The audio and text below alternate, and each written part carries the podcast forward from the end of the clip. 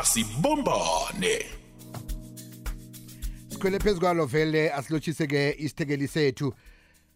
Sesi-analotshani lotsha beziyo ngilotshise nabalaleli ekhaya. Kulithaba ukuthi sicoce nawe godu namhlanje sisiyazi ukuthi nasiphethe wena ilwazi lonke silihlogako sizolithola. Eh Uh sesana akhusi phandlululeke la i-Association for People with Disabilities eMpumalanga isebenza ukwenzani?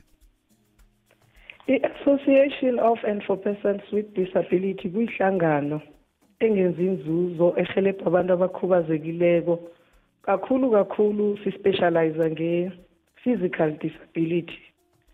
So sihelebha abantu ngama-assistive devices afana nama-wheelchair ama-crushi ama-walker ama-leira nange-counseling ama-support group into eziningi nje ezifaka umuntu okhubazekileyo ngicabanga ukuthi na uyibeka njalo baningi abantu abaphandlulukako abathi yeyi eh besele ngingasanali ithemba.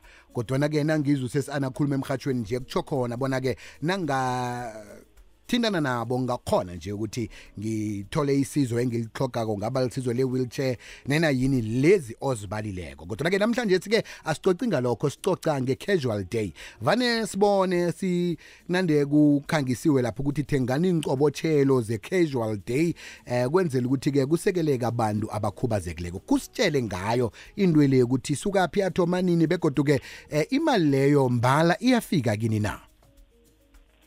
Eh i-casual day leli kulijima eh biziwe elathoma i-National Council for Persons with Disabilities ngo-1994 so sekunyaka engaphezulu ngisho ko-29 lenziwa.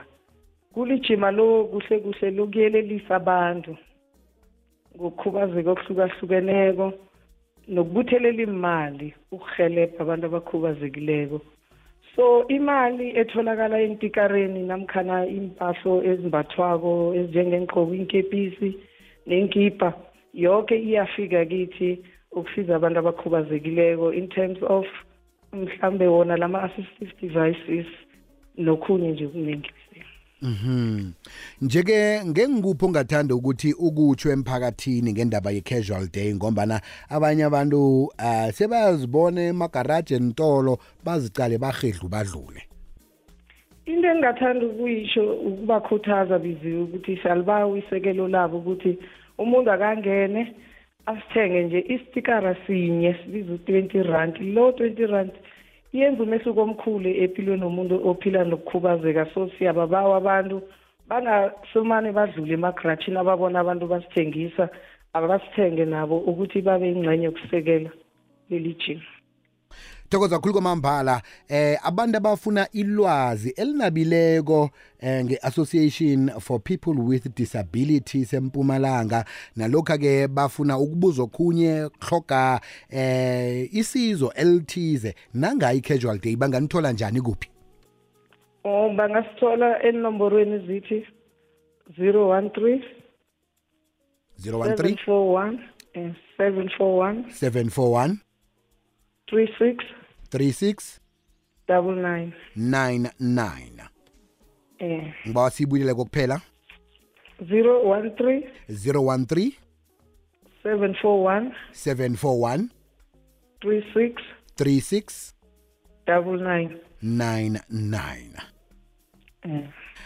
Eh sesana sithokoze khulu kwamambala niragele phambili nje ngokuthi ke nisiza abantu abakhubazekileko begodu ke eh, indingo zabo zigcine zifezeke. Namtjhana sazi ukuthi ngingathatha isikhathi ukuthi zigcine zifezeke zonke kodwa ke lapha enikhona ukufika khona ngesizo labantu abathenga intikara nengwani nencobotshelo siyabawa ukuthi nisilule isandla ukufika lapho. Siyathokoza ngitsho thokoze thina bezi sithokoze khulu kwamambala ekade sikhulumisana naye. Um ngudade u-ana wakwasikhosana osebenzela i-association for people with disabilities esifundeni sempumalanga. Inomboro leyo godu um ngombana utshwilo wathi sisiza abantu ukuthi bathole um insiza nenhlabagelo. Sisiza abantu abakhubazekileko. 013 714 3699 siyazi ukuthi abanye abantu bahlala endaweni ezikude namadorobho eh umuntu naza kufikelela lapha ekuhamba khona ikoloyi kumthatha isikhathi eside khulu. Kelinye ihlangothi umuntu okhubazekileko akakhona ukuthi azivikele lapho eh ngombana uhloge isitulo samavili. 013 eh 013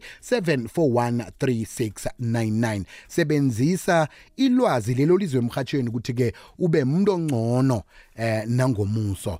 Begodwa nayikhibe mhlambe akakho umuntu omaziko okhubazekileko save inomboro lezi ngoba kungenzeka kube nomunye umuntu ohlangana naye ngokuhamba kwesikhathi olihlogako isizo angazi ukuthi angalitholaphi. Uvele ube ngusuperman uthi hayi nanzi inomboro ezingakhona ukuthi zikusize. Yabona into efana naleyo lula ngaleyo ndlela. Njenganje imzuzu ilithumi nemzuzu esithandathu ngemva kwesimbi yesibili vaneke sibe nalo ihlelo leliqobeke ngelesi eh, thathu eh nekukulapho sithi khona asibambane sicoca ngendaba ezithinta abantu abakhubazekileko eh nemraro nje abakhambe bahlangabezana nayo. Nina ngeze sakhona ukuthi siyilarule yonke ngesikhathi sinye kodwana lokho kuncancane sikhona ukuthi sifike kikho kwenza ukuthi ke kubonakale indima elimekileko